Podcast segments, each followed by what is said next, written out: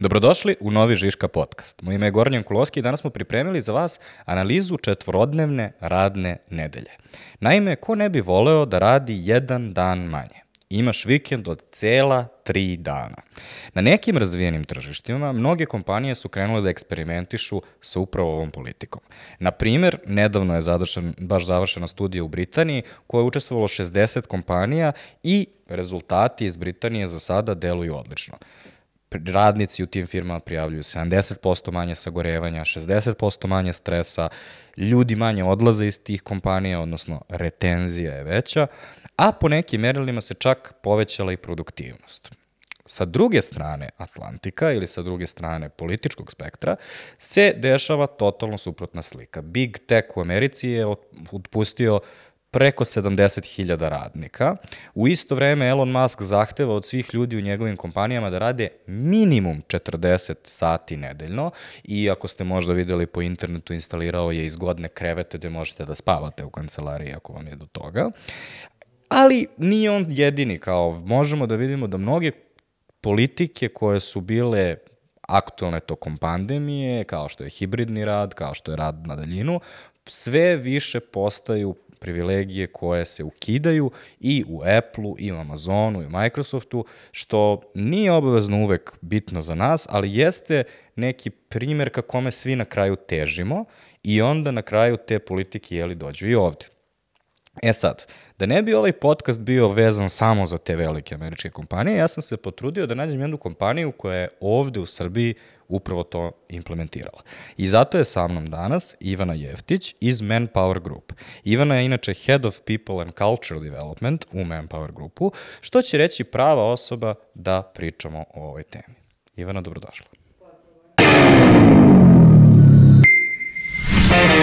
Vi slušate Žiško podcast.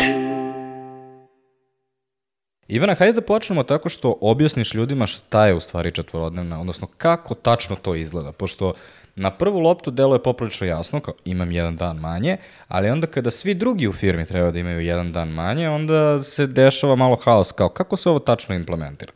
Da, upravo to je uh, ključna stvar, jer uh, od samog početka kada smo krenuli sa idejom i kada smo uh, implementirali i kada je počeo neki, da kažem, pilot period, do danas dosta se toga izmenilo.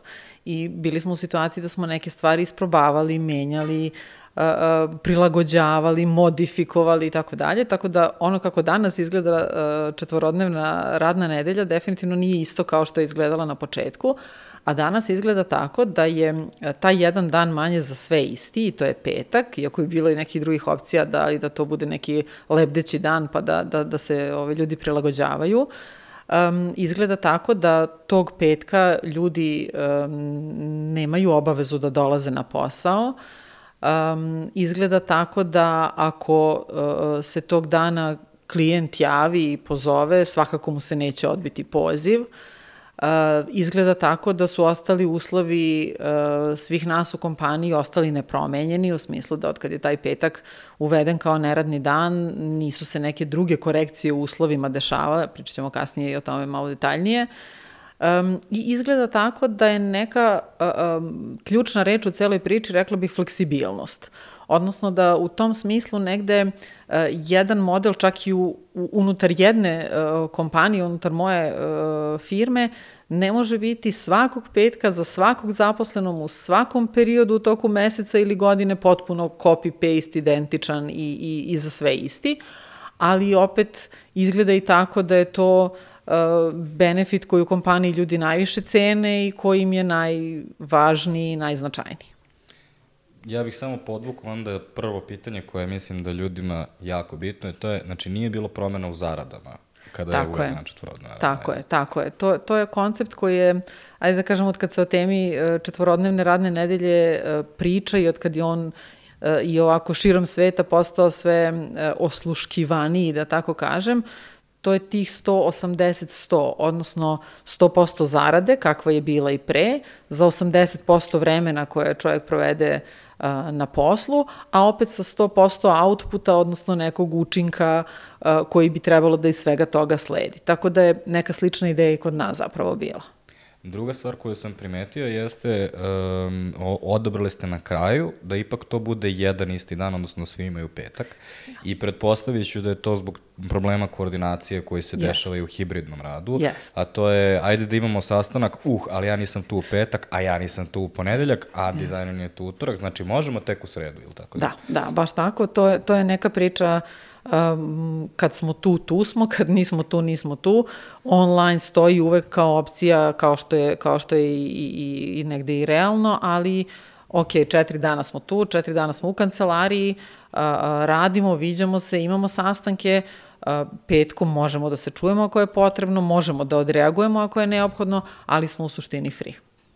Um, pomenula si javljanje na telefon, ali šta u slučaju da postoji neki sastanak na koji treba da odeš i kao recimo radiš sa klijentima ili uh -huh. sa, ono, u sklopu neki, nekog projekta gde si na više različitih firmi i svi oni rade petkom i oni zakažu sastanak u petak, šta se dešava? Da, apsolutno negde je uh, naša odluka od samog starta, s obzirom da smo negde ajde da kažem, u, u, u uslugama, u servisima, u konsultantskom radu, bila ta da klijent ne trpi.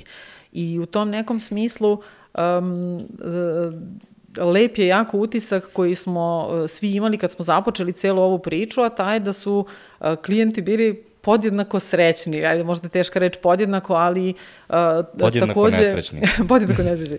ovaj, uh, vrlo negde spremni uh, i, i um, potpuno su ispratili tu neku priču u smislu, a da, vi beše ne radite petkom, ajde vidjet ćemo se u ponedeljak ili ajde da se vidimo u četvrtak ili kako god, ali da, kad je potreba takva, kada je negde uh, očekivanje klijenta, kada je datum u mesecu takav, uh, onda smo negde, da kažem, dostupni i petkom i onda smo, ovaj, ako treba u kancelariji, ako treba na Teamsu, ako treba kod klijenta u njihovim prostorijama, dakle, u tom smislu negde uh, nismo hteli da se oglušimo o, o, o uslugu koju, koju pružamo u tom smislu, dostupnost koju nudimo u tom smislu, ove, ali opet kažem nekako i sa druge strane odziv bio uh, više nego korektan i u tom smislu smo, smo našli zajednički jezik, da tako kažem.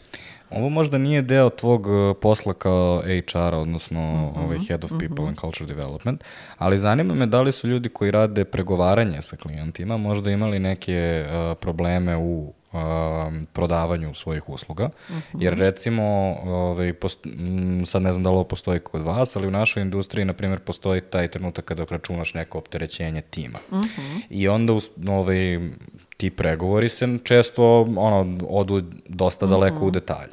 I onda ako bih recimo naleteo na neki procurement koji želi da mi ubije cenu, oni bi sigurno rekli kao da, da, mhm. ali vi nama ovde naplaćujete samo četiri petine, znači kao ipak taj tim je komitovan manje nego što je za vašu konkurenciju i tako dalje. Jasno. A, znači zanima me kao da li imaš neke informacije da li se to dešavalo, kako su oni to obradili?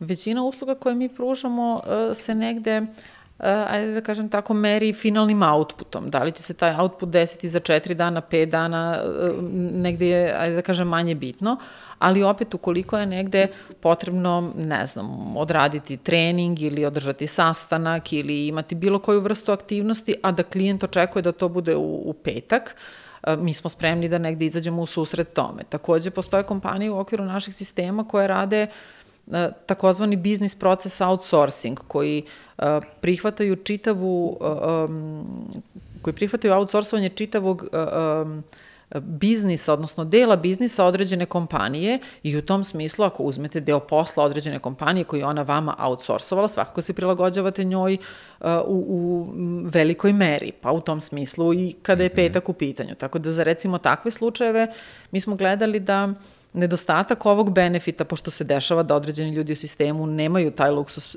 ovaj, petka, ili taj benefit petka, da to nadomestimo nekim drugim benefitom. Tako da negde gledamo da stvar bude realna. Dakle, da u tom mhm. nekom smislu um, napravimo fleksibilno gde god je to moguće, gde nije moguće da na neki način nadoknadimo. Tako da to je, to je nekako koncept, ajde da tako kažem. E sad, deluje mi da ovaj uh, četvorodnevna nada nedelja deli jedan problem sa hibridnim radom, a to je um, da li je moguće da ti onda opteretiš dodatno ljude, uh -huh. jer Um, postoji recimo u ovoj britanskoj studiji koju smo pomenuli u uvodu, postoji jedna kompanija koja se zove All Cap i oni su mhm. prijavili da su nezadovoljni mm -hmm. zbog toga što su rekli da je skraćeno radno vreme opteretilo dodatno njihove ljude, da moraju da mnogo više rade tih mhm. četiri dana, mm -hmm. da rade mnogo većim tempom mm -hmm. i da ih je to onda iscrpljivalo i da su onda trošili taj petak na samo da se resetuju od posla. Mm -hmm. Ovaj, Ko, ko je vaše ovaj, da. iskustvo? To, to, je, to je, da kažem, jedna od ključnih stvari, odnosno kako, kako postići za 80% vremena 100% uh, outputa, jel? odnosno uh, negde niti, niti će ciljevi ići dole, niti će očekivanja u tom nekom smislu se uh, smanjivati i to je negde kad smo, kad, kad se kretalo u priču zapravo i razmišljanje na temu četiri dana bila jedna od ideja. Dakle, osim toga što smo, ok, izašli iz korone i sveg tog nekog teškog, nesigurnog perioda, šta će biti, kako će biti, pa ajde da sad malo negde napravimo neke, neke ovaj, lepše priče i damo malo više nekog well-beinga u, u, u, celoj, u celoj priči. Ideja je takođe bila i da se um, pozabavimo nekim drugačijim načinima za unapređenje poslovanja, odnosno da se uh, negde priča ne svede samo na to kako ćemo da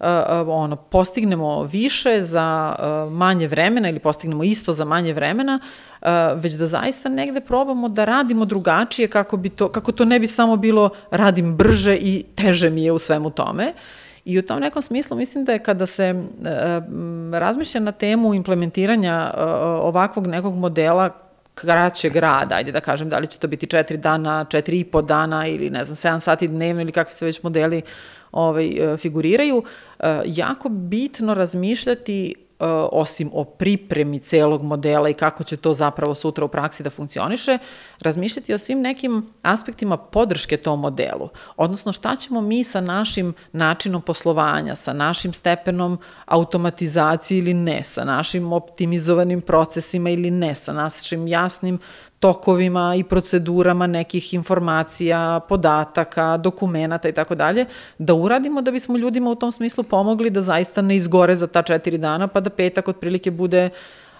ono, oporavljam se i spremam za vikend, mislim. Tako da, u tom nekom smislu mislim da, da smo kroz ovih godinu i kusur dana, koliko cela stvar traje, dosta toga uradili i dosta radili na tome. Zapravo, Um, i, I u tom nekom uh, smislu opet mislim da sam proces implementacije uh, M što je važno da se jako dobro spremi u startu, M je važno biti svestan toga da će trpeti promene u hodu, odnosno da ćemo neke stvari u hodu saznavati kako, kako bi bilo bolje i kako bi moglo drugačije.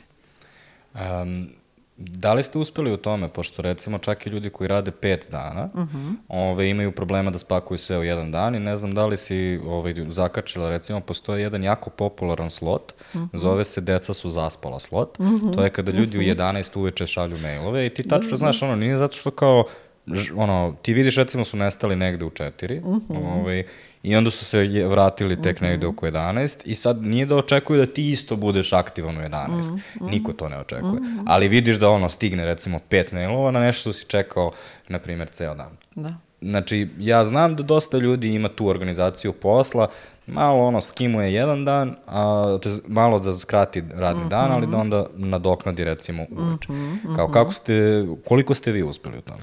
Um, ja imam takav način rada. Uh, šalu na stranu, um, uh, ima toga, a vratit ću se i, i na, na neke konkretne podatke do kojih smo u tom smislu i vezano za, za baš tu temu došli. Um, ono što sam negde već pomenula, uh, fleksibilnost u celoj stvari je jako, jako bitna.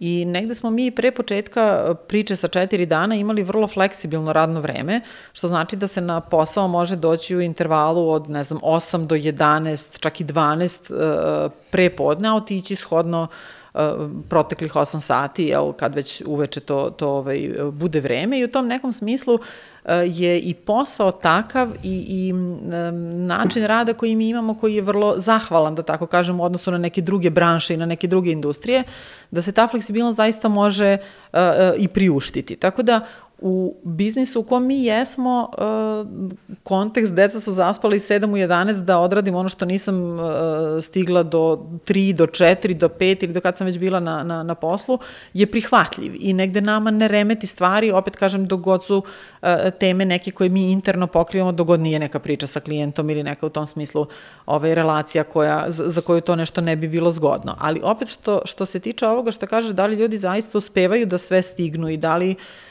su negde produktivniji u tom smislu.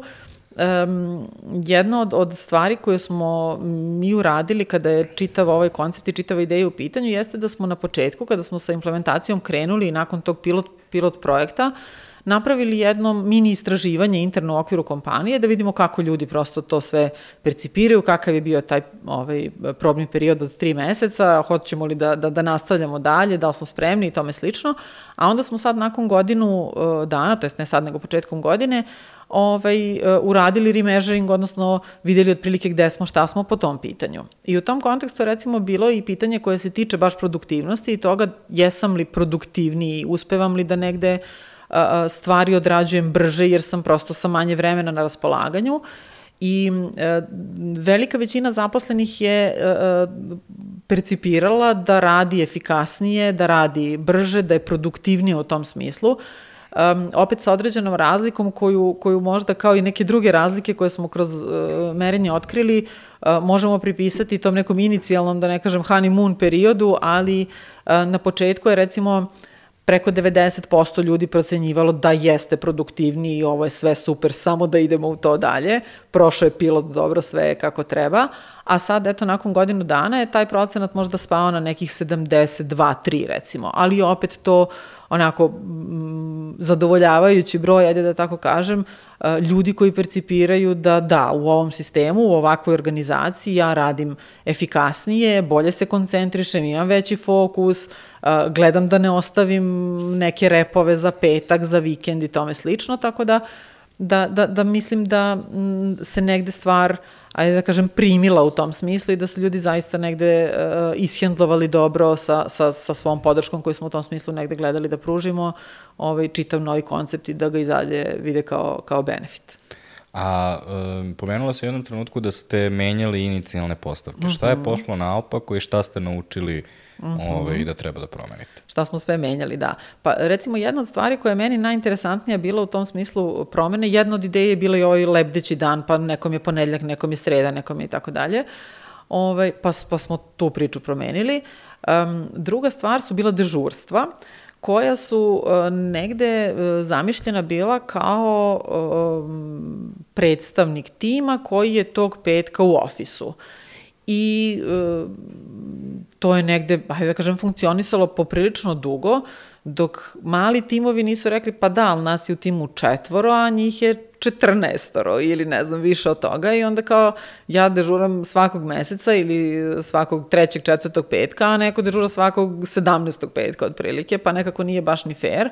Sa druge strane, uh, sve to što bih mogao da, da, da odradim i da dođem tu, mogu isto da odradim i od kuće ako je potrebno. Znači, ako vam treba nešto s moje strane, pozovite, tu sam, završit ćemo sve šta treba. Ovaj, tako da, da smo taj deo promenili na način da um, kada je, kada je dežurstvo u pitanju, nema više obaveze dolaska u kancelariju za člana tima, bilo kog tima. Svako kome je iz bilo kog razloga to potrebno ili jednostavnije ili sam rešio da tri dana u pet, da, da tri sata u petak posvetim nečemu zašto mi treba e, štampač ili mi je lakše u ofisu ili ću da se vidim sa kolegom da na miru porazgovaramo o toj i toj temi ili sam dogovorio sa klijentom ili bilo šta. Dakle, u tom smislu sve može. Uh, um, ali obaveza dežurstva kao takvog je negde izbačena iz, iz čitavog koncepta. Opet da, telefon je tu, javljam se na telefon ako je nešto ovaj, hitno, ali opet nekako eto iz, iz, iz mog iskustva za, za ovih godinu dana um, to nešto da bude hitno nije, nije često. I pogotovo kad su neke interne teme u pitanju, uh, vrlo smo se tu negde uklopili lepo da, da nema ono, uh, nekog zakazivanja sastanka u petak, jer ja ću doći u petak, pa ajde da iscimam još nekog. Dakle, skroz je negde u tom smislu stvar korektna, opet klijenti su poprilično navikli, ali ako treba, ako je neka situacija tako da se nešto završava, onda, onda apsolutno da. Koliko su seniori, odnosno uh -huh. top management, uh -huh. a, bili receptivni na ovu politiku? Zato što, uh -huh. pogotovo u, ono, kada dođeš do C-levela, uh -huh. a, nekako, ono, prestaje taj neki, ono, balans između aha, života aha. i posla i očekuje se da si totalno predan poslu i nekako moje iskustvo, barem sa ljudima koji su C-level, je da su ono konstantno na mailovima, konstantno mm -hmm. razmišljaju o poslu, spremni su na sastanke, večere i tako dalje. Mhm. Da, tu je, tu je bilo možda uh, ajde da kažem, inicijalno mislim da, da, da smo okej. Okay. Da se u tom smislu da su stvari, evo, nakon ovih godinu dana, da ništa nije puklo, ništa nije stalo, ništa se nije slavno. U tom nekom smislu da, da već negde sistem kao takav funkcioniše i da smo, da smo uh, sa tim u vezi skroz okej. Okay um, ali bilo je onih dilema da li je sad pravi trenutak, da li je trebalo da sačekamo da dovedemo u red još ovo, da sredimo još ovo, da negde, da u tom smislu možda um, za, za neke stvari uh, je bilo pitanje da li, da li je trebalo da se još neki uslovi steknu, pa da krenemo u, u takvu jednu vrstu promene, Ove, ali to je sad ona klasična priča. Kad smo krenuli, krenuli smo i sad tu smo gde smo i idemo sa, sa, sa time kako, kako smo negde i, i planirali i posložili i mislim da se u hodu dosta toga iznivelisalo, ispeglalo i sredilo i da nema tog nekog žala. E sad, opet sa druge strane, um, oko te dostupnosti, oko toga na mailu sam, stalno sam negde ovaj, uh, responsivan i spreman da se uključim kad god treba, uh, um, mislim da to nekako kod nas nije ajde da kažem, nije, nije odlika samo C-levela, jer je negde usluga kao takva um, tip posla koji ljude malo ipak na takvu vrstu načina rada tera, ajde da kažem, ili navikava. Ove, opet kažem, nije, nije priča zloupotrebe, nije priča da se to podrazumeva, očekuje ili bilo šta u tom smislu, ali negde određena vrsta responsivnosti je nekako ljudima uh, ok da postoji. Pitam te iz razloga što kada je Netflix uvodio one neograničene odmore, uh -huh. a, oni su imali jako veliki problem zato što njihov C-level je generalno nije uzimao odmore. Uh -huh. I onda a, kada su objavili politiku, da su odmori neograničeni, oni su intervjuisali svoj middle management koji je rekao, jeste, jeste, neograničeni su, ali ja vidim Rida Hastingsa da nije otišao na odmor. I onda su oni svi zajedno opet morali da sednu, pored toga što su objavili ljudima politiku i verovali da to treba zaista da bude tako. Ali onda su seli i rekli, dobro, Miko, ti moraš na odmor, Radule, ti si sledeći koji ide na odmor i podelili se da oni ono, naprave veoma veliku frku od toga da će zaista da odu na odmore, da bi drugi videli primer, da bi znali, normirali da je to zaista ok u njihovoj kulturi. To je onaj sudar između kulturalnih normi i formalnih uh mhm. -huh. obaveštenja. Jel? Zato te pitam kao da li je bilo toga možda ili... Uh, mislim da smo se tu nekako dobro uklopili i dobro uigrali. Bilo je možda u nekom uh, periodu malo, malo prisutnijeg levela u ofisu petkom. Ja, ako po sebi gledam, uh, čak ne ni iz tog razloga, nego kao ajde da se previše ne opustim i da se previše ne navikne, ovo je too good to be true prosto. I onda nekako uh, i sama činjenica da, da postoji mogućnost da dođem u petak pa ću kao biti tu do 12 pa posle toga mogu da idem je meni u tom trenutku uh, bilo wow potpuno. Ove, ali sad baš nekako i gledamo i meni se desi kad dođem petkom da tu bude možda još ne znam, jedno ili dvoje ljudi iz tog nekog nivoa ove, hedova ili kako je već neka naša nomenklatura, Ove, ali definitivno ne postoji ta vrsta pritiska, aj sad kao direktori su ili šefovi ili menadžeri, kako god ih zvali, su tu, sad kao malo je glupo da ja kao ne budem ili bilo šta slično. Tako da mislim da smo tu, tu napravili uh, politiku i princip koji stvarno živimo, da sad nije nekako prazna priča u tom smislu ovaj, da, da, i da, da bilo kome bude neprijatno zbog toga što koristi ono što mu je zapravo dato. Hajde da produbimo to onda. Uh, zašto ste uopšte uveli četvorodnevnu nadu nedelju, ali onako na nivou prvo filozofskom, znači počet ćemo uh mhm. -huh. cost-benefit analizu posle, Aha. ali šta je iza cost-benefit analize? Da, cost-benefit analiza definitivno nije bila neki, neki ovaj, prvi bulet kao ko, koji, koji bih navela tu u tom nekom smislu. Um, sa jedne strane, ono što uh, se negde poklopilo sa periodom koji je prethodio, a to je cela priča oko korone i oko svih nekih modela koje smo isprobavali u hodu uh, od nekih hibridnih, od remota, od kuće, od toga kako ćemo na posao i tome slično. Ovaj, nekako izlazak iz, iz tog perioda, iz te jedne stege, ajde da kažem, uh, koja je ovako ili onako gledano bila prisutna, um, smo, smo hteli da damo ljudima neki uh, drugačiji kontekst i neku drugačiju priču uh, kako možemo da radimo, a da opet negde uh, mislimo i o tome šta je neki work-life balance i o tome kako negde uh, postoji i dalje prostora za slobodno vreme, kako negde imamo sluha za to. Um, opet sa druge strane, um, negde je bio trenutak možda i da se razmisli o, o nekim uh, novim uh, iskoracima kada su kompanije u pitanju na polju tih benefita koje, koje nudimo i po čemu ćemo se razlikovati na tržištu uh, u odnosu na, na, na, na druge kompanije, ne pričam samo ni o konkurenciji, nego uopšte na tržište rada koje je onako poprilično fluktuirajuće, da ne kažem isprepletano u smislu kako se ljudi kreću i kako menjaju neke svoje karijere. Opet sa neke treće strane, um, ako, ako um, gledamo na celu stvar iz, iz ugla uh, društva, ovo je prosto i, i nekog um, drugačijeg sagledavanja života i rada. Ovo je uh, opet malo iskorak i u tom smislu, ok, nije, nije baš sve samo posao i nije baš sve samo nova priča sa Twitterom i nije baš sve samo priča uh, oko, oko zarade, oko cilja, oko broja, oko neke ebide u krajnjoj liniji. Uh, ajde da, da negde malo ispratimo kako može da i drugačije da funkcioniše. I opet negde um, ljudi to prepoznaju i u tom smislu negde se um, kako bih rekla, vrati se sve negde u, u, nekoj, u nekoj e, varijanti kad nešto date, onda se nešto uvek tu i, e, i, i vrati u celoj priči. Um, opet, ono što, što se negde e, prati nama nije bilo na radaru u, u tom trenutku, ali u današnje vreme različitih uh, ušteda E,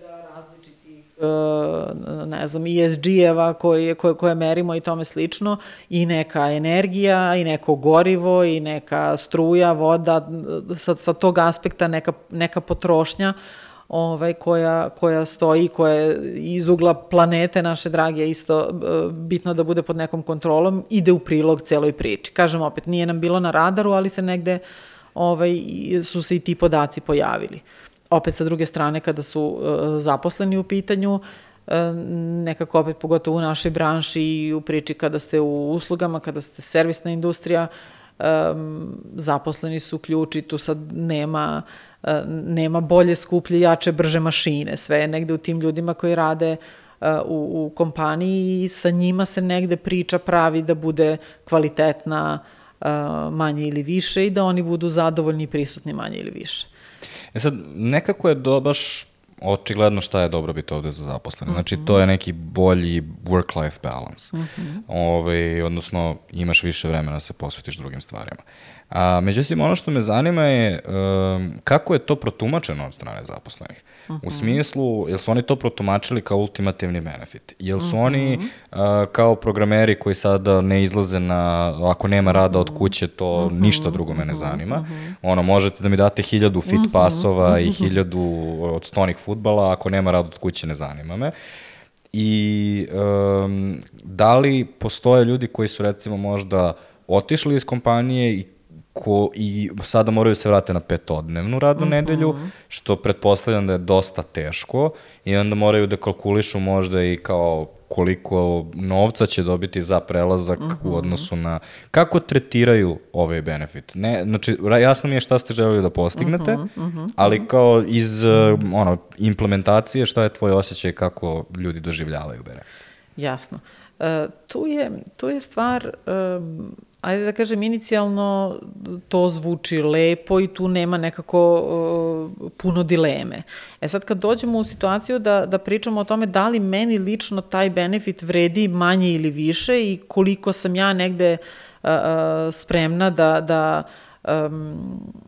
ga u potpunosti prihvatim i kažem to je to i meni sasvim odgovara, tu pretpostavljam da ima, mislim, pretpostavljam, ima različitih slučajeva i ljudi su, uh, kako bih rekla, u, u stanju i da odu iz kompanije, iako imaju četvorodnevnu radnu nedelju i u stanju da se prilagode, odnosno ponovo vrate u neke ove drugačije ritmove i, i, i sad za ovakav ili onakav novac. Mislim da tu čak novac ni ne igra puno uloge, jer nekako uh, um, nisam sigurna koliko će sam zaposleni kalkulisati i reći aha, sad ovde moja zarada je, ne znam, 100 nečega i radim 4 dana, povremeno se uključim petkom ako treba, sad tamo ću raditi 5 dana, da li je automatski 120 neko merilo? Mislim da, da nekako to nije, nije, neki, nije neka glavna tema u celoj priči.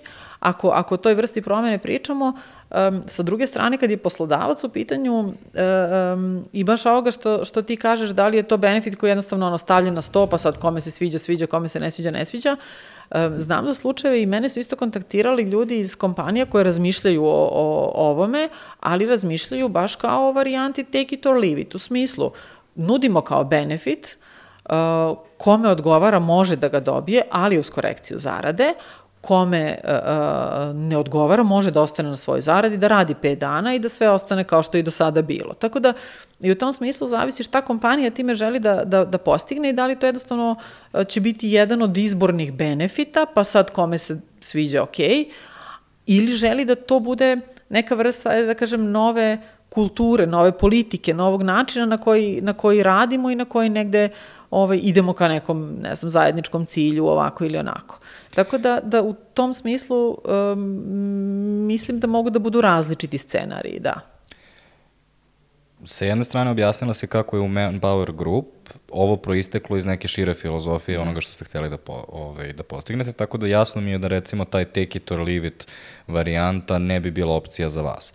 Ali ovako kada se izmestiš iz uh mhm. -huh. Manpower Grupa i staviš svoj šešir jednog HR konsultanta. Uh mhm. -huh. Da li misliš da je to dobra ideja? Da li, ono, da li implementacija četvorodnevne radne nedelje uz smanjenje uh, plate uh mhm. -huh. uopšte ima šanse da, da zaživi i da ima benefite koje... Da, ja iskreno ne bih probavala. Da, da je sad, da je moja kompanija i da ja sad tu onako mogu kako ja mislim. Ja ne, ne bih išla u tom smeru jer mislim da je čitava uh, ideja malo više od benefita, odnosno da bi valjalo da bude malo više od benefita, baš sa tog aspekta što kažeš neke filozofije kako radimo. To je isto ono kao, ne znam, naše kompanijsko pravilo da e, ne znam, kad neko dođe na posao da svrati u kancelarije i javi se ljudima. Ili nije. Tako mi je i ovo isto, znaš, ili, ili živimo tu priču i, i idemo na takav način ili ne. Tako da koliko god neki individualizovan pristup u, u, u benefitima i mogućnosti ja ću odabrati, što kažeš, fit pass, a ja ću odabrati parking mesto, a ja ću odabrati catering ili već, ja ovu priču ne bih uključivala u takvu vrstu uh, um, da kažem, izbora ili, ili individualnog nekog uh, pristupa, jer mislim da, da, je, da je veća od, od toga. Um, opet sa neke druge strane, um, i, i činjenica da je to ubedljivo najvrednovaniji benefit kod naših ljudi, um, nekako ide u prilog tome, čini mi se. Tako da, interesantna je recimo tema, je to baš na tom uh, istraživanju koje smo radili, mi hibridni model kao takav nemamo. Naravno, postoji mogućnost, nije mi baš danas dobro, ostaću da radim od kuće, ok, ali neki klasičan hibridni ili neki klasičan remote ne postoji.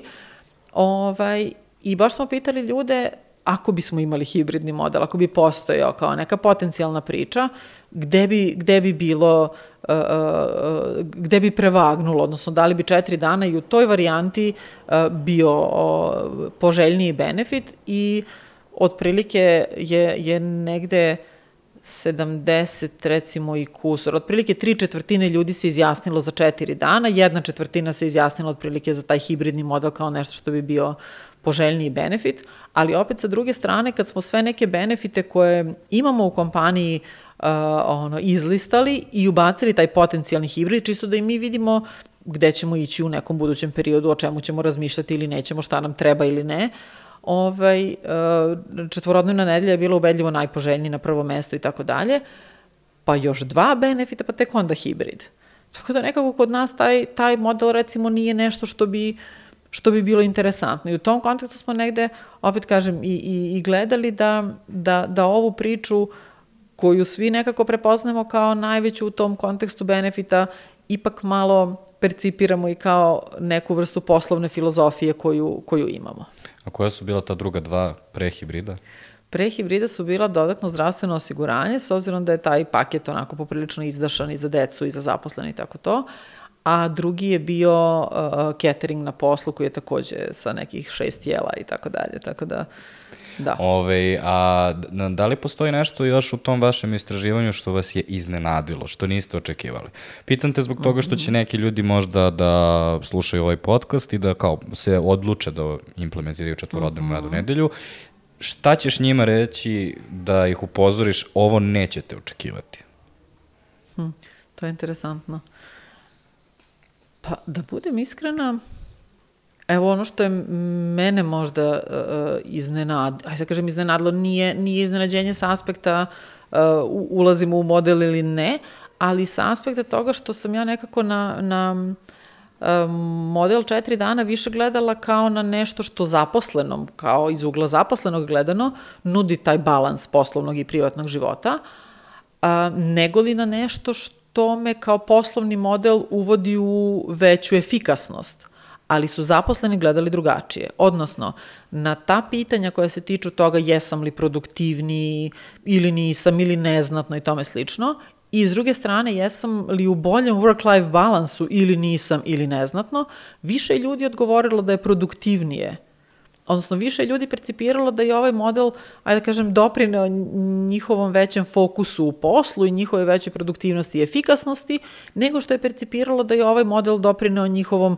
work-life balansu, odnosno nekoj, da kažem, boljoj, boljoj vagi, boljoj ravnoteži između poslovnog i privatnog. Što opet sa druge strane možda je negde i ajde da kažem, posledica e, strukture zaposlenih u našoj kompaniji, gde ima dosta mladih ljudi koji još uvijek nemaju porodicu, decu, tu vrstu nekih obaveza dodatnih, pa možda sa tog aspekta negde nije, nije e, e, nije tako, tako jasan efekat na taj balans poslovnih i privatnih obaveza kao što je nekome ko je možda u nekoj drugačijoj životnoj fazi.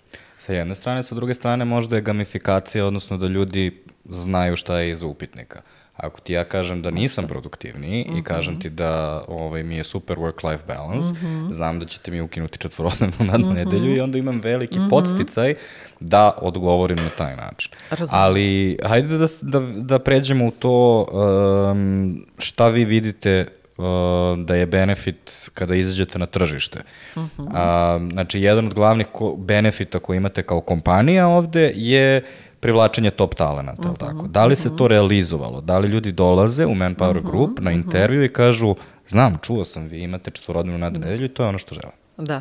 E, uglavnom ljudi jesu čuli, uglavnom ovaj, znaju za to, ali mislim da nekako E, moj utisak da e, sa određenom vrstom zadrške pristupaju tome u smislu ajde da ja pravim to stvarno tako, jel, jel to što, što smo ono pročitali i videli i ispratili kad se izdešavalo, je to stvarno ta četiri dana ili je to samo kao neka priča ovaj, bila za javnost? I u tom smislu uh, onako bude, da kažem, s jedne strane pozitivno uh, uh, iznenađenje i, i negde su, su ljudi kako bih rekla, uvek uh, zainteresovani, voljni da isprobaju takav neki koncept. I opet ono što smo pomenuli malo pre uh, po pitanju zarade, nema tu kalkulacije, a sad ću očekivati manje nego što uh, bih da dolazim na, na, na razgovor u kompaniju koja radi regularnih 5 dana. Ove, tako da u tom smislu mislim da, da bar ja nisam stekla utisak da, da se bilo kakva korekcija kod, kod finansijskih očekivanja kod ljudi dešava ili neka rekalkulacija kada, kada shvate da je to ipak četiri dana. Ali dođe neko pa ne zna i onda ga iznenadite na razgovoru? Desi se, ali ređe. Reći, da. Kako reaguju kada saznaju na samom razgovoru? Kao... Pa postave jedno šest potpitanja, aha, stvarno, mislite, za sve? Aha, i za mene koji sam nov. tako, tako da da.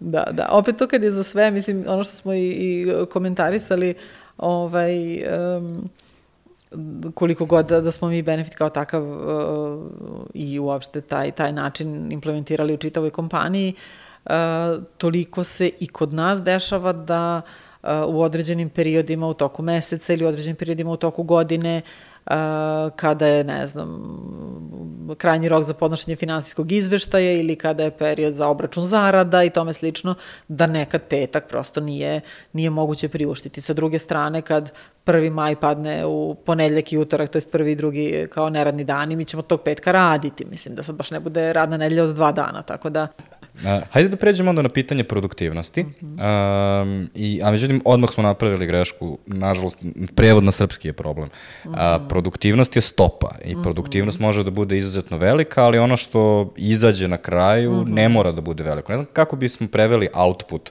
izuzev kao možda Radovan treći, minuli rad.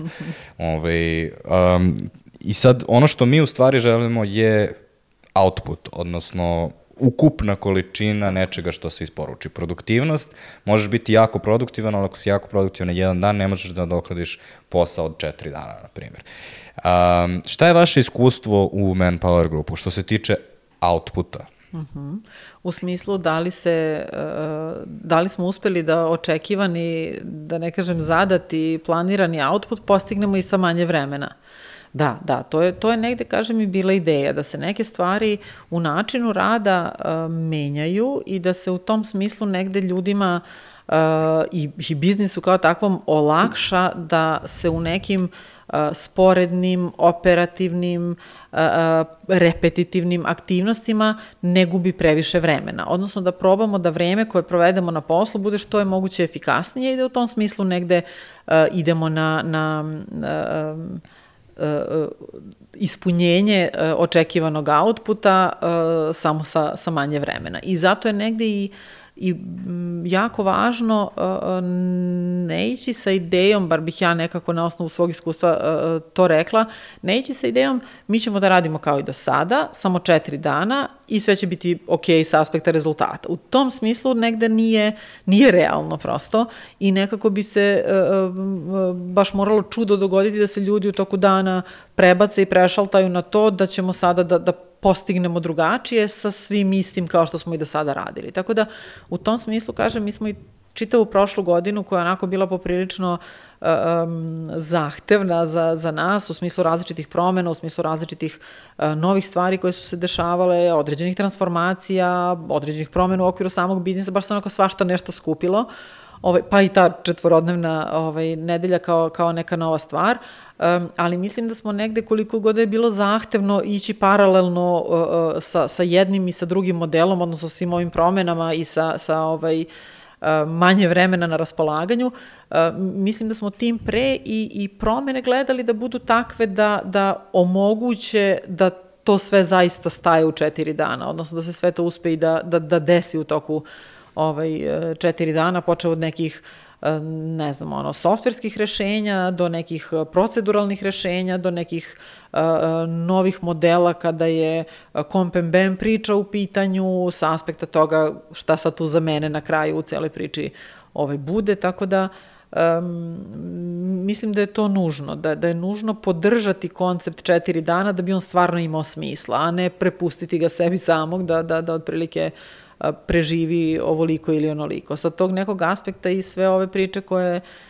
se širom sveta dešavaju u smislu različitih pilot projekata na nacionalnim nivoima, pa i ovo sa, sa UK što si pomenuo, um, mislim, nadam se da će negde tokom tih pilota kompanije shvatati uh, koje su tačke, koji su aspekti E, tog modela na koje treba da obrate pažnju da bi kad to zaista krene, kod onih za koje se odluče da, da, da krenu u, u, u četiri dana, ovaj, da, da bi zaista i bilo funkcionalno. Odnosno da neka varijanta, ajde da kažem one size fits all, definitivno ovde ne, ne pije vodu ovaj, i da, da taj neki uh, pristup individualni i ta neka prilagođavanja od slučaja do slučaja, od kompanije do kompanije od faze u razvoju kompanije a, moraju da postoje. Mislim, startup sa četiri dana, ne znam, ne znam da li je, da li je realno da krene, možda i jeste.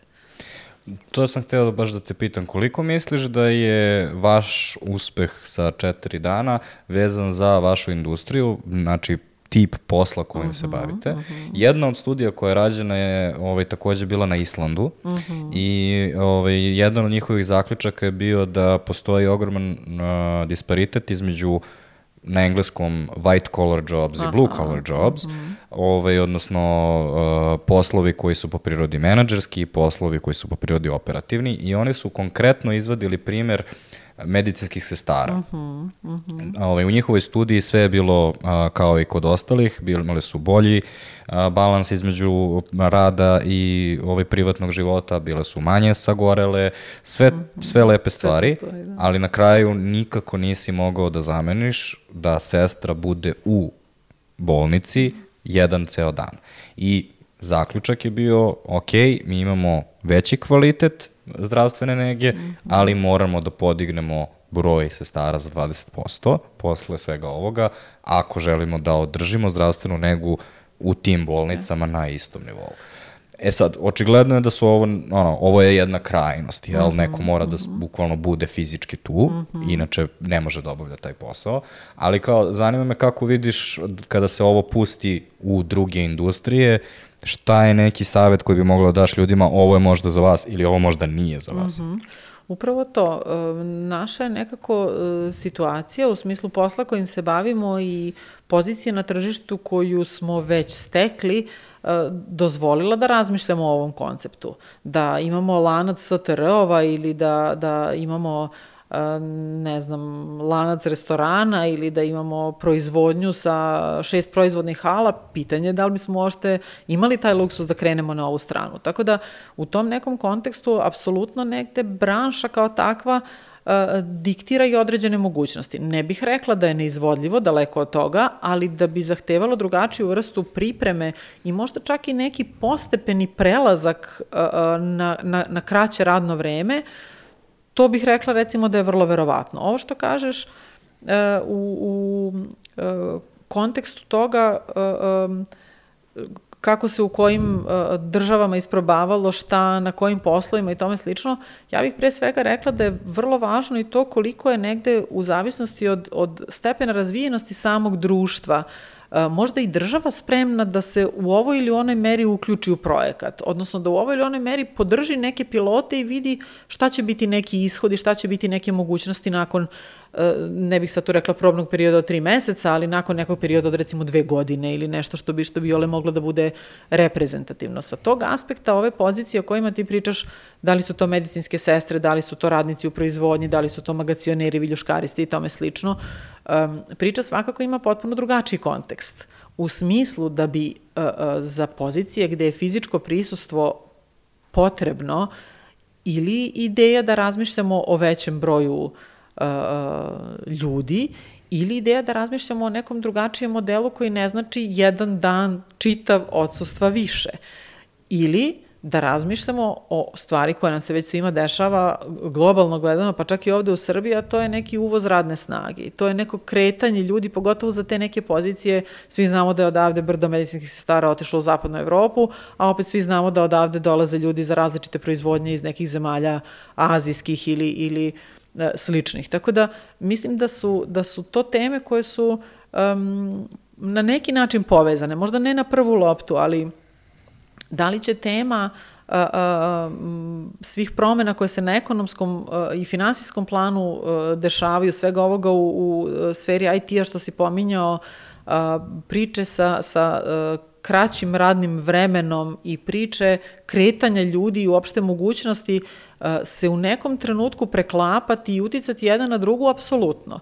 U celoj toj priči nekako uh, E, moj utisak da e, sve veće i učestalije i drastičnije promene i sve to koliko se za dve godine e, masa stvari relevantnih za poslovni kontekst promeni u odnosu na to što je nekada možda za, za isti stepen promene trajalo 20 godina ili 200 godina je nešto što je, što je naša realnost. I u tom smislu um, naše prilagođavanje i odgovaranje i reagovanje na te neke nove stvari i te neke nove uslove uh, je nešto što je, čini mi se, neophodnost ako, ako želimo da ostanemo u igri. Tako da, da, uh, eto sad ne znam, možda sam otišla malo preširoko, ali čini mi se da se i priča oko, oko uh, kraćeg radnog vremena sa svim ovim prepliće u, u određenoj meri. Mislim da si došlo savršeno do ovaj, ono, finalne teme koje mislim da moramo da obradimo ovde, uh mhm. -huh. a to je um, u srcu ovog pitanja postoji um, jedan sukob koji mislim, zanima me da li, ono, mislim da je očigledan da postoji, uh mhm. -huh. to je sa jedne strane postoje radnici i postoje poslodavci. Uh -huh. um, odnosno, ajde, možeš da ga zoveš i kapitalisti i radnici, jel? Uh -huh. Ove, ovaj, I to je razlog zašto je ovo, ovo pitanje četvorodnevne nade nedelje je često i političko pitanje i tu ne mislim na dnevno političko u smislu mm -hmm. ovo, naše domaće politike, nego baš mislim ideološko političke. Ove, ovaj, I ljudi se često dele na ovom pitanju ne na osnovu o, obavezno toga šta misle o politici, nego šta je njihov ideološki stav. Da li veruju da bi mali čovek trebalo da ima više prava ili veruju da nam je potrebno da budemo efikasniji kao biznisi. I uh, taj balans je u stvari um, oslikan i kroz uh, nivoje plata koje ljudi imaju i kroz razne benefite koje, koje mogu da, kompanije mogu da ponude, pa onda imamo 2020. se svi utrkuju da daju što više mogućih benefita mm -hmm. zato što postoji ogromna nedostatak radne snage u, na primer, informacijonim tehnologijama, mm -hmm. odnosno programiranju. A onda sa druge strane, evo 2023. su krenulo ono, otpuštanja i sad, ono, ako znaš nešto o artificial intelligence-u, nema problema, naćiš posao kad god, ali za sve druge je onako malo ovaj, problematičnije. I uh, ono, krucijalno je da li postoji taj neki uh, konstantan uh, Da li misliš da postoji taj neki konstantan balans koji, koji se dešava mm -hmm. između ono, radnika i poslodavaca ili kako god želimo, ono, firmi mm -hmm, i mhm, zaposlenih, mm -hmm, kako god želiš to da vidiš. I da je ovaj, ova linija i svi benefiti i četvorodnevna nadaredelja kao deo tih benefita, da li je to deo linije koja se pomera? Da, rekla bih da u tom smislu se, se pomeranja dešavaju, odnosno da se u tom smislu nekad, ajde da kažem, klatno malo više pomeri na stranu poslodavca, nekad malo više na, na, na, na stranu zaposlenog. Ali um, mislim da je nekako um, suština priče u tome uh, koja zapravo ideologija iza uh, određenog, uh, ajde da kažem, poslodavca ili biznisa ili, ili uh, ono, kompanije u krajnjoj liniji stoji. Odnosno, uh, koliko je negde ideja da se sve svede na taj neki uh, ono broj u Excel tabeli i šta ćemo dalje s njim i da li on dovoljno dobar ili ima nešto i iza toga. Mislim da nam se nekako u, u poslednje vreme kada je biznis generalno u pitanju, tema neke dugoročnosti poprilično izmiče, odnosno da su se stvari svele na neki uh, mnogo kraći nivo, što zbog svih tih promena koje bacakaju levo desno, pa nekako prosto nije ni, ni, ni uvek bezbedno ići na neke uh, dugoročnije planove. A što zbog toga što, što mislim da smo se malo nekako fokusirali na sada i ovde. I da u tom smislu uh, u, u poslednje vreme kada čujem reč strateški, uopšte nisam sigurna da li je to nivo godine ili u najboljem slučaju tri, jer nekako sve dalje od toga je potpuno iščilelo. Mislim, nekako je i ovo pitanje toga kako ćemo raditi, kakav ćemo negde odnos prema obavezama na poslu negovati. Uh, da li ćemo biti dostupni petkom ili ćemo biti dostupni i petkom i subotom i nedeljom ako je to nešto u što stvarno verujem da neće biti zloupotrebljeno i da ja neću zbog toga biti na bilo koji način oštećen.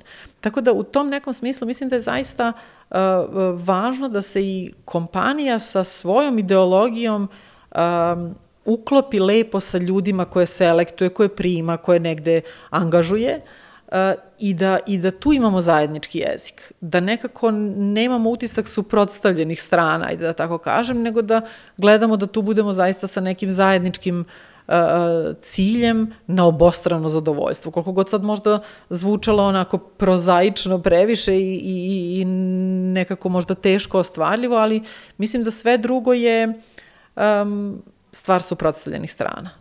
Ja mislim da si jako lepo, ovaj, jako lepo napravila kontrast između toga šta ti kao kompanija kratkoročno uvek možeš da očrafiš profit bez problema. Mm. Znači, primi gomilu posla, spali sve ljude.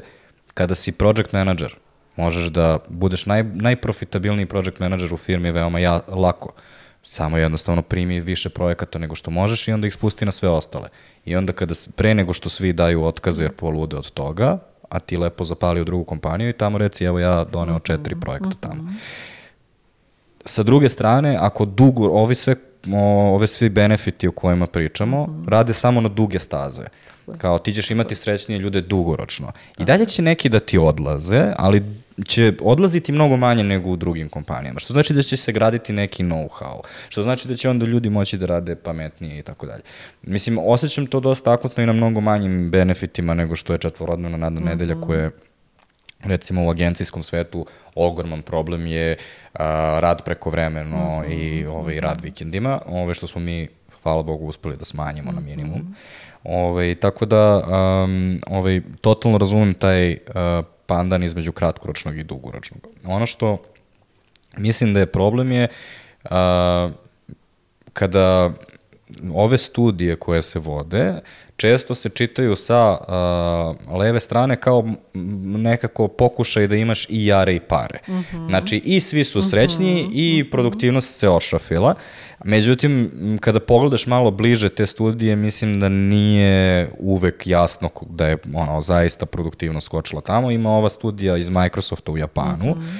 gde su oni kao pokazali 40% povećanje produktivnosti. Međutim, onda kad malo bolje razmisliš kao, a zašto onda nisu zadržali mm -hmm. ako su ovaj, imali toliko povećanje produktivnosti, onda kad zagrebeš onda shvatiš da postoje mnoge druge stvari koje su oni implementirali pored toga i shvatiš da su oni i merili produktivnost samo kao broj linija koda koji je izašao. Mm -hmm. Jer je to najlakši način, najobjektivniji, ali ujedno i dosta neprecizan način. A ovde što se tiče ove studije u Britaniji, um, ja nisam, ovaj, ja sam istražio ko je, ko je u stvari naručio studiju i ovaj jedan britanski NGO je naručio studiju mm. i tu u stvari i nemamo uh, podatak o produktivnosti. Mm. Imamo taj podatak kako ljudi osjećaju da su produktivni, što mm. ovaj, nije pouzdano, ali imaju jedan podatak, kaže um, ovaj, da je prihod kompanija ostao otprilike isti, a, a da je, pošto je problem veliki, da je 2022. godina, znači pandemijska godina i do, sprema se recesija i onda nisu, nemaš baš savršeni eksperiment, uh -huh, jel? Uh -huh, kao što nikad nemaš u društvenim uh -huh. naukama. Međutim, um, ja sam video mnoge, uglavnom strane, um, portale koji su preneli ovu vest i preneli su samo zaključak i produktivnost je porasla. A, iako je ono, prihod u stvari ostao isti, odnosno 1,4% je bio veći, što nije neki ono ubistveni rezultat. I zato kažem, um, ono, moje čitanje ono, svih reakcija na, na ovu politiku je uglavnom ono što ti već veruješ. Kao, ako veruješ da je jedno, onda ako veruješ da radnici treba da imaju veća prava, ti ćeš pronaći te brojke unutar ovih studija koje ti, koje ti trebaju. A sa druge strane, pomenula si i Elona Muska mm. ovaj, i njegov On u stvari je samo na neki izraz cele haslerske kulture, da, tako? Da, da. Ove, I sad, uh, ja mogu da shvatim zašto recimo Elon, Elonov pristup radi u SpaceX-u ili u Tesla. Mm -hmm, Ti tu mm -hmm. zaista menjaš društvo. Znači, Tesla je, šta god misli o njoj, uspela da pomeri celu automobilsku industriju sigurno barem pet godina napred, da bismo mi, na primjer, imali sad električnog golfa, mm -hmm, kao koga možeš da vidiš u Beogradu. Da nije bilo Tesla, to bismo sigurno imali ono, mnogo kasnije. I kada ti nudiš ljudima mogućnost da odu na Mars ili da tako promene društvo, onda mislim da postoje realna šansa i da ih ubediš da ono, ginu i da mm -hmm. ovaj, ono, radi 80 sati nedeljno. Međutim, ako si Twitter i mm. ono, realno, ne, mislim, možeš ti da pričaš ljudima što hoćeš, ali ne menjaš zaista ljudima živote, ono, ti si platforma na kojoj ljudi mogu da napišu 240 karaktera ili koliko već sada ima, nekako mislim da nije moguće da privučeš taj top talenat i ono što se već desilo u Twitteru je ne znam da li si sad ispratila, ali ovaj, trenutno implementiraju baš dosta različitih promena mm -hmm. i svaki put kad implementiraju promenu, desi se neki bug. Mm -hmm. Tipa, mm -hmm. trenutno Musk je najavio da će oni skinuti blue check ljudima, to je mm -hmm. verifikovani mm -hmm. check, mm -hmm. i onda se ispostavilo da to mora da se radi ručno, jer ne postoji niko ko to može da iskodira tamo, a i kad se radi ručno, nekada ne radi. Što? Niko ne zna. I kao to je trenutno problem koji oni zaista imaju u kompaniji, što meni govori da ono, ljudi koji su ostali u Twitteru nisu obavezno najbolji inženjeri koji su bili tamo. Ove, I, međutim, paralelno sa time, znači sa, svim, sa svime time što smo rekli da taj dugoročni razvoj ljudi mm -hmm. se na kraju isplati, ima jedan, uh, jedna poenta koju iznosi uh, ovaj, jedan od mojih omiljenih podcastera Scott Galloway i on kaže uh, sve ove politike koje su benefiti, bilo da je hibridni rad, bilo da je četvorodna mm -hmm. rada nedelja, bilo da je ovaj, promocija quiet quittinga i tako dalje, mhm. sve to je u stvari varka za uh, mlade radnike.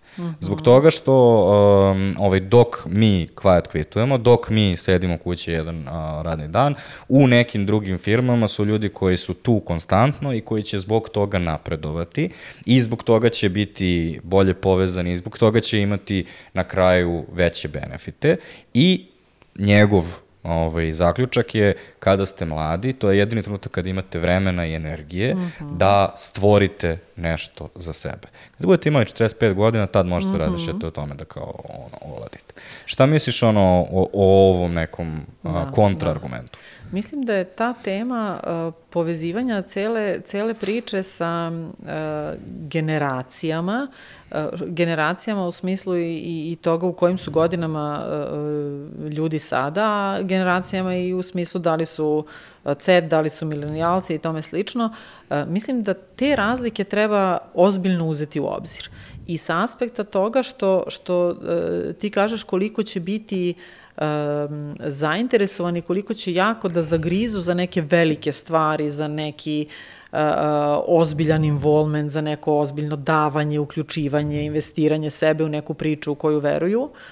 Um, I mislim da se tu, da li je to, što kaže, odlazak na Mars ili, ili je Tesla ili bilo šta slično, sa aspekta nekih, nekih redovnih aktivnosti i nekog redovnog života, um, mislim da nam se tu stvari dosta menjaju uh, u kontekstu toga koliko je mlada osoba danas spremna da čak i u tim nekim godinama koje su najzahvalnije za, za davanje sve od sebe, ajde da tako kažem, da su dosta, mm, ajde da kažem, mirniji ili da su dosta negde uravnoteženiji i da su na neki način manje spremni i manje voljni da daju nekih 150% ili, ili, ili e, više svog vremena zarad neke ideje, zarad nekog posla, zarad nekog koncepta. Sve ide to ideja koja je, ne znam, moj hobi. Znači, ošte ne, ne, ne moramo da zađemo u neki poslovni kontekst. Um, mislim da nam se negde sa, sa novim generacijama desio jedan uh, je jedno proklizavanje blago u kontekstu uh, toga što je sve mnogo lakše, mnogo dostupnije, mnogo brže, mnogo jednostavnije, na klik ili dva da jedem, da kupim, da rezervišem, da masa toga se dešava mnogo lakše i, i mnogo manji neki uh, uh, mnogo manju aktivnost, mnogo manje cimanje traži od, od mene. I taj model se nekako, čini mi se, preliva na sve. Ono što mene u tom kontekstu brine jeste šta će biti sa, sa našim tržištem radne snage, sa našim radno sposobnim stanovništvom za 20-30 godina. Šta će od, od um, oblasti interesovanja uspeti da preživi uh, tu jednostavnost klika? Bio mi je interesantan slučaj od pre par dana kada uh, moj stariji sin uči biologiju i nije bog zna koliko sreća zbog toga, nada sve ne vidi šta će to njemu u životu kao i većina ljudi što, što u tom uzrastu ovaj, ne vidi. I ja kažem, pa dobro vidim, možda će nekom biti interesantno da se sutra bavi proučavanjem nekog biljnog sveta, neke ćelije, nekih mutacija, kako je od ovakve lisice postala ona bela gore na severnom polu i tako dalje. On kaže, mama, ali 21. vek je, to više nikoga ne zanima. I onda pomislim, znaš, da li smo negde propustili da neke teme ubacimo u kanale komunikacije i zone interesovanja koje su sadašnjim generacijama relevantne. Šta će ono ćeli da vidi kroz različite youtubere i da, da ne pominjem neke ono igrice i ostale stvari i na koji način će se uopšte iko od tih klinaca danas zainteresovati da se bavi nečim što nije neka vrsta IT-a, eventualno neke, ne, ne, ne, ne, ne ne znam, ne, nečega srodnog, nekog možda dizajna, nekog, nekih možda komunikacija ili tome slično. Šta će se desiti s nekom tamo, ne znam, biologijom, istorijom i tome sličnim stvarima? I sa tog nekog aspekta, opet kažem, da se vratim blago u, u, u ono o čemu pričamo, um, mislim da ta vrsta uh, prepoznavanja uh, onoga kako se okruženje menja, kako se uh, uh, i taj svet rada menja, kako se generacije koje dolaze menjaju uh, i, i, i ono preoblikuju u odnosu na ono što nam je poznato, uh, da u svemu, pa i u priči kako radimo, treba tražiti neku vrstu balansa i fleksibilnosti, da ne završimo u situaciji da kao što danas ne možemo naći ono čestitog mašin bravara, da sutra nećemo moći da nađemo hirurga ili bilo šta slično. Pazi, ja mogu da vidim neka ovaj, dva različita načina puta, to je dva puta koje može se desiti. Mislim da je glavni udar koji se desiti je definitivno sve ovo što se dešava sa veštačkom inteligencijom i chat GPT-em, Bingom, Bardom i ostalima. Uh, I sa jedne strane mogu da vidim da um, će tolika, ono, toliko brzo će zameniti toliku količinu poslova da će udar koji će to doneti na tržište rada biti ogroman, mm. možda veći nego što smo imali sa automatizacijom 80-ih, mm. možda veći nego što smo imali sa digitalizacijom 90-ih. Jeste, u svakom od tih talasa mi smo uspeli da nađemo nove poslove, pa sada ljudi rade, ne, više ne kopaju rupe i ne, ne kopaju po poljima, nego rade za računarom neke ono, pretpostavljamo poslove mm. koji ih više ispunjavaju. Međutim, nisam siguran koliko će biti vremena u ovom talosu sada. Sa druge strane, ako uzmem optimistički pogled na svet, svi ti alati će osloboditi beskrenu kreativnost među ljudima. Ja, na primjer, nemam pojma da crtam i generalno sam operisan od estetike. Međutim, ja ću sada moći da pričam sa nekim mid-journeyem mm -hmm. i da mu objasnim ja želim lik kao baš ovakvog lika mm -hmm. i moći ću da napravim recimo uh, strip o Pacovu ragbisti uh, u steampunk verziji, ali uh, da raste u Tršiću zajedno sa Vukom Karadžićem. Mm -hmm, mm -hmm. Ok, znači ovo sam sad improvizovao, ali kao možda to nekom ne bude zanimljivo, ali imat ćemo mnogo više prilika za kreativnost. I današnji klinci će biti uh, totalno različiti od nas, imaće totalno različita interesovanja, nervirat će nas kao što smo mi nervirali naše roditelje, ali će biti mnogo brži u stvaranju takvo ekstremnih stvari. E sad, ne znam koji od ova dva puta će se zaista realizovati, ali... Ali isprati brzinu i u jednom i u drugom. Mm -hmm. To je ono što mene plaši. Ne, plaši, mislim, to je ono što, što čega moramo da budemo svesni. Znaš, danas sve to što je neka trajalo ovoliko, traje ovoliko, odnosno promeni se za ovoliko. I u tom nekom smislu ono ranijih 20 godina sad se spakuje u dve. A da li mi stižemo da odreagujemo za dve?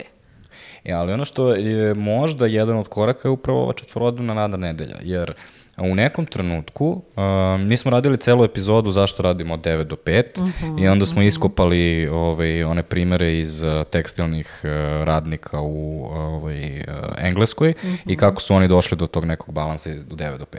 Isto tako u nekom trenutku smo odlučili da radimo od 5 dana u radnoj nedelji umesto 6 koliko se radilo nekada Znači, konstantno nekako evoluira taj a, balans. Da li vidiš, znači, budućnost posla kao nešto što se završava sa onim politikama za univerzalni bazični prihod, odnosno universal mhm, basic income, mm -hmm. gde ono, a, će jednostavno automatizacija i sve ove stvari o kojima smo pričali doći do tog nivoa da više neće zaista biti potrebe toliko da svi radimo, a u nekom trenutku svi ćemo postati neka vrsta kreatora, umetnika i objavljivati neke kreativne stvari koje drugi konzumiraju. Tehno-utopija. Da. Um, pa nekako, nekako mislim da se to nekako baš neće desiti. da ne kažem nadam se, ali, ali mislim i da neće. Ne znam, možda, možda mi je pre, pre hrabro da, da, da krenu na tu stranu. Ovaj, um, I opet nekako um, mislim da neke stvari um, ipak imaju drugačiju dimenziju uh, kada se, kada se neka malo humana uh, instanca uključi, nego kada je nekako prosto sve um, potpuno prepušteno mašini ili, ili kako god da, da, da je nazovemo. Znaš, nekako opet zavisi od toga, potpuno mi je okej, okay, videla sam pre neki dan ovaj, klip iz nekih, ne znam, 70-ih ili kako, a, apropo perioda za obračun zarada, ovaj, kako se izbrojavaju novčanice, potpuno crno-beli snimak, masa ljudi sedi u nekoj prostoriji i ono broj stavlja u koverte i tako dalje, ovaj, vreme je za platu, tako reći, ovaj, I onda pomisliš, znaš, to, to, to je to je sada nezamislivo, to je pro, prosto je onako potpuno ono davna, davna prošlost i u tom smislu super da se neke stvari menjaju i da neke stvari idu napred i da neke stvari imaju neku um, neku drugačiju uh, konotaciju sada nego što su imale pre, ali za neke stvari mislim da, da, da prosto um, da prosto moramo da nekako zadržimo taj ljudski moment. Znaš, i da je to ono što će, što će napraviti neku uh, razliku u krajnjoj liniji. E sad, uh, iza tebe postoji knjiga, zove se Bullshit Jobs, ne znam da li si ovaj uh -huh, čitala. Uh -huh. Ove, I ona kaže, da, mi možemo da napravimo razliku. Pitanje je da li je ta razlika um, dovoljno konkretna i dovoljno zaista doprinosi nekom benefitu koji ta firma može da ostvari. U prevodu, A, recimo brand marketing je super primer za to. Uh mhm. -huh. A, o brand marketingu ne, ono, ti možeš da imaš hiljadu jedno merenje, ali nikad ne možeš zaista da izmeriš to što želiš da izmeriš, uh -huh. zbog mhm. toga što je brand kreativni rad. Znači, moraš da napraviš određene pretpostavke. U tim pretpostavkama možemo da sedimo ja i ovaj, ono, brand manager sa druge strane i da diskutujemo dva dana o tome gde tačno na našem landing page-u treba da stoji a, glumac koji jede naš proizvod i kako tačno taj glumac treba da izgleda i možemo da pitamo recimo da. Mid Journey, da nam da 20 različitih i mi ćemo i dalje moći da analiziramo svih 20 veoma konkretno i da onda spojimo dva i da kažemo treba nam 30% ovoga i 70% ovoga jer mi verujemo da je to tačno ono što je izraz našeg brenda. Moja poenta ovde je da mi možemo uvek da napravimo kompleksnost za koju će ljudi biti odgovorni. Ono što je pitanje je da li to zaista je vrednost koju stvaramo u ekonomiji ili je to samo nešto, izmislili smo ga i onda ljudi imaju onaj osjećaj kao praznine kada uh mhm, -huh, rade na mhm. nečemu uh -huh. zašto veruju da ne doprinosi zaista. Da, razumem, razumem šta kažeš. Meni je u glavi bio jedan drugačiji primer. Um, ja sam fan shoppinga koji nije online, što je okej. Okay. I radnja se dešava sada za vikend, uh, gde ja u jednoj radnji koja prodaje garderobu probam farmerke. I dve su prodavačice u tom trenutku u radnji. I jedna koja dođe i kaže, jao, super su, baš su vam dobri. Te kaže, malo su mi kraće, a ja opsednuta time da imam dovoljno dugačke farmerke. Malo su mi rekao kraće, ne, ne znam, ajde možda da probam neke druge, vidjet ću, razmislit ću. Ona kaže, ne, ne, ne treba vam da budu duže, te su vam skroz okej. Okay. Ja kažem, pa dobro, ne znam, možda, ja sad kao ljubazna i dalje, ovaj, ali ja bih ipak htela neke, neke duže, a ona kaže, ali ne treba vam da budu duže. I tu naša komunikacija staje. Onda se pojavlja druga prodavačica koja kaže, imam ja jedan model koji je rađen kao malo duži, doneću vam da probate. Probam i kupim. Eto, to su, znaš, to, to, je, to je taj neki uh, uh, sitni detalj koji se u online kupovini, koji je isto tako mogla da se desi, ovaj, ne bi ni, ni desio, ja bih kupila, bila bi nezadovoljna, šta bih da vratim, ovako, onako, ili možda ne bih ni kupila, ili šta god od toga. E, to su te neke, znaš, to, to je ono, to je ljubazni konobar, to je nasmejana kasirka u radnji, to, to su te neke sitne stvari koje um, ja nekako se nadam da neće nestati. Pa recimo, ovaj, ja sam sad nedavno razmišljao o ovom, ne znam da li si videla Copilot, uh, koji je praktično uh, chat GPT-4 uh -huh, uh -huh. unutar, da, da, da, da recimo, da, Teamsa. Jesam. Uh -huh, uh -huh. I jedna od fičera koje on ima jeste da će da ovaj, on će moći da zapiše sve što smo rekli na sastanku Aha, i da izvuče siže. da. Međutim, neko ko je zaista bio na korporativnim to, to, to, sastancima zna da cela poenta je da ti tu moraš dosta da pretpostaviš mm, ili moraš da kažeš da neko nije odradio svoj posao I šta će onda Copilot da napiše zaista uh -huh. to? Mhm. Pa ako zaista napiše to, ovaj, onda će da napravi opšti haos i onda... Uh mhm. -huh. Ili, mhm. znači ima dve opcije. Ili mora da bude hrabar, što je ono što mi konstantno na svakom sastanku kalkulišemo da li ovu stavku da stavimo ili da ne stavimo, koliko jako da kažemo, koliki rok da stavimo. Uh -huh. Ako je neko rekao može do petka, to znači bit će u sredu, ili sve te sitne da, stvari da, da, da. su u stvari ono što je, čini razliku između zapisnika sastanka i onoga što zovemo meeting minutes, kao -hmm, šta je mhm. zaključak sastanka. A sa jedne strane, znači, taj co-pilot može da bude ovaj, hrabar mm -hmm. ili može da se vrati i da bude opšti i da samo kaže svi su govorili, sve je bilo mm -hmm. lepo i savršeno i u tom trenutku više nije koristan. U tom trenutku će postati samo neka vrsta tapeta koje imamo posle mhm, svakog sastanka koje nam pošalje i tako da. Pazi, sa tog aspekta meni je e, ideja o tome da e, šta god može da negde nas unapredi, šta god može da negde doprinese e, tome da budemo svesni, realistični, konkretni, produktivni, znaš, skroz je okej. Okay. I u tom smislu co-pilot u, u, u radnji kaže, aha, prva prodavačica nije dobro radila sa mušterijom, a druga je radila dobro. I skroz okej. U tom nekom smislu E, e, meni je uključivanje svega onoga što, što će neka vrsta e, ne znam, veštačke inteligencije ili bilo čega doprineti da mi kao, kao, kao ljudi u onome što radimo budemo bolji, super. Ali nekako ne bih da prepustim baš sve. E sad, da vratim se na onu kompleksnost koju ljudi unose. Uh. -huh. A, po kojem kriterijumu je prva prodavačica bolja? a, to je druga prodavačica. Da, po da. tvom kriterijumu kao a, nekoga koji je kupac u radnji, uh mhm. -huh. je bolja. Međutim, ako sam ja menadžer radnje, uh mhm. -huh. imam dva potpitanja. Prvo pitanje je koliko vremena su one provele razgovarajući sa tobom i da li su to vreme mogli da bolje posvete tome da nekoga drugog mhm, -huh, ovaj, usluže, usluže uh -huh. i možda da prodaju dva para farmerki. Uh -huh. Drugo pitanje je um, ovaj, da li je ova prva prodavačica znala da ima duže pantalone koje može da ti proda i šta se desi u situaciji kada nema tih dužih pantalona i ona u stvari tebe pušuje, pa da, ona da, tebe da. pušuje kao neki call to action u smislu slično kao što imamo one korisnička iskustva koja te vode negde gde mora, a negde želiš. Da, da, Ove... Ovaj, skroz na mestu da se, da se druga prodavačica nije pojavila uopšte i da je bila sa drugim mušterijom ili bilo šta, ja bih sigurno zbog tog njenog insistiranja odustala od kupovine. Sigurno ne bih kupila to. I da ima, novi, da, im, da ima dužih i da nema, definitivno to ne bi, ne bi bilo. Ako, ako merimo kao obavljena kupovina, jel, uh, onda je ulazak ove druge definitivno doprineo.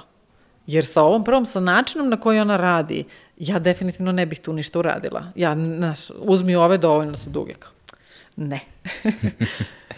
E, hvala ti puno što si ovaj, ovaj, podelila vašu priču sa nama i ovaj, pripremila i ovu širi kontekst koji smo obradili, ne samo Manpower Group kao primer. Uh, A vi ako ste došli do ovde, onda vam se dopala naša priča i ne morate da nas zapratite na YouTube-u ili svim audio platformama gde smo prisutni, zbog toga što umesto da čekate narednu nedelju, onda bolje je da jednostavno pronađete teme koje vas interesuju i sada odmah pogledate te epizode, zato što ove stvari o kojima mi pričamo ne starevaju toliko brzo. I onda recimo iz domena HR-a možete da pogledate epizodu 148 o quiet quittingu koju smo pomenuli kao jedan, jedan od trendova koji je deo ove celog a, balansa između radnika i poslodavaca. Ili o epizodu 86 gde se bavimo time kako smo uopšte počeli da radimo od 9 do 5, 5 dana nedeljno i šta to znači u današnjoj ekonomiji.